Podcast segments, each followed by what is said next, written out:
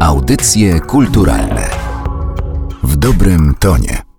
Jest to granie w, na instrumentach EMS Synthi, które są y, z jednej strony oczywiście klasycznymi instrumentami, które mają swoje miejsce w muzyce elektronicznej, ale w sumie w naszym przypadku nie o to chodzi. Chodzi o ich z jednej strony też specyficzne brzmienie, ale z drugiej strony to, że są to zamknięte systemy, które wymuszają e, sposób pracy na nich i bardzo często albo głównie obchodzenie problemów i no, przy odrobinie szczęścia kreatywne obchodzenie problemów w taki sposób, żeby kompozycje tworzone były w miarę możliwości e, interesujące. Więc jest to zdecydowanie odmienne podejście od y, stosowanego najczęściej, ponieważ tutaj jedyna y, możliwość y, automaty, automatyzmu, jedyna szansa na automatyzm to jest sekwenser, który jest zbudowany w te instrumenty. Całą resztę trzeba poskromić. Staramy się nie stosować żadnych urządzeń zewnętrznych, bo to jest oczywiście bardzo możliwa praktyka i to nie znaczy, że tak nie, nie będziemy robić. Zresztą odrobinę dopuszczamy tam śluper powiedzmy, czy distortion, czyli jakiś zewnętrzny taki interfejs, ale raczej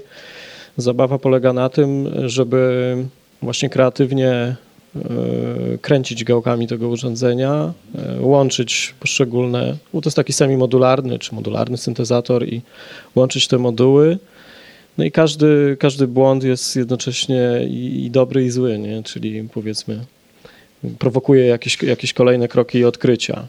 I no to jest banalne, co powiem, ale oczywiście im dłużej gramy, tym, tym, tym, tym lepiej e, wiemy, jak bardzo dużo jeszcze przed nami możliwości i, i, jak mało tak naprawdę jeszcze potrafimy się poruszać po tym, po tym gąszczu. Przede wszystkim to jest dosyć rzadki instrument i tak się szczęśliwie składa, że my akurat takie instrumenty posiadamy. No i Maciek nie od dziś się zajmuje analogowymi syntezatorami, a ja w swoich różnych jakichś muzycznych e, przygodach e, no też w pewnym momencie się no właściwie to już na samym początku jakoś tak się moja wyobraźnia skierowała w kierunku właśnie analogów i, i ten syntezator jest przez wielu uznawany za taki święty gral w ogóle w syntezatorowym jakimś takim e, świecie tych, tych, tych różnych maszyn.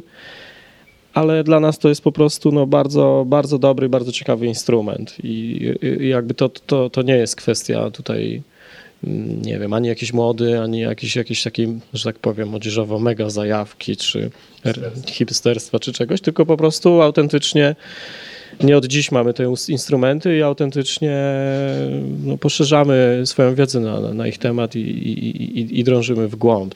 Poza tym, co jest lepsze od jednego syntezatora? Dwa syntezatory, więc czasem nawet trzy.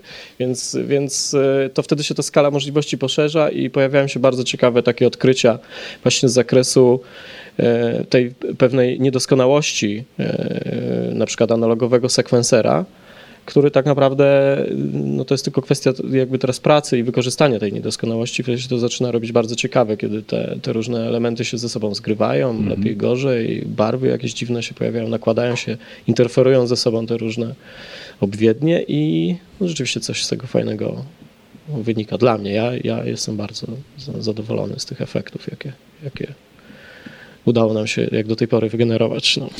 Słuchajcie, wszystkich e, gości moich e, pytam o ich pierwsze takie bardzo intuicyjne wspomnienie związane z polską muzyką elektroniczną. Jakie jest takie pierwsze skojarzenie wasze z polską muzyką elektroniczną? Czy w moim przypadku to chyba będzie Marek Biliński łamany na kombi. To, to, to bez dwóch zdań.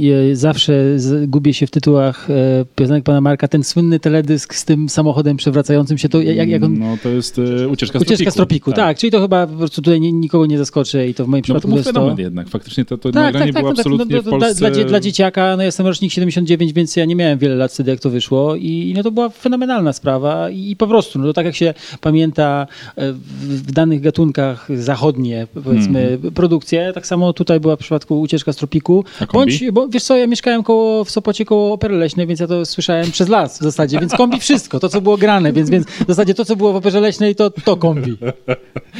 To w moim, przy moim przypadku. Drugi Maciek?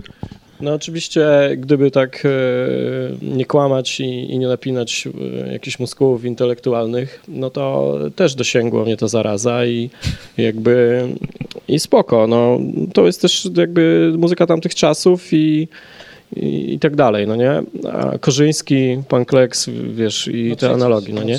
A Ale- w panu Kleksie też dźwięki Bogdana Mazurka przy golarzu Filipie. Przecież, oczywiście, prawda? oczywiście, ale właśnie ja tylko y, w krótko, w 15 sekund do tej tradycji bym nawiązał, bo ja w ogóle y, bardzo mocno się w pewnym momencie zacząłem interesować studiem eksperymentalnym Polskiego Polskiego Radia i jakbyś tak mnie zapytał o polską muzykę elektroniczną i, i bym odciął ten, ten, ten wąs muzyki pop, który wszędzie się wylewał, to, takie byłoby pierwsze, tak, takie, takie coś, co bardzo silnie na mnie podziałało i do tej pory we mnie jest, to jest to te lata 60. Bardzo dziękuję za rozmowę. Dziękujemy bardzo. Dziękujemy. Audycje kulturalne w dobrym tonie.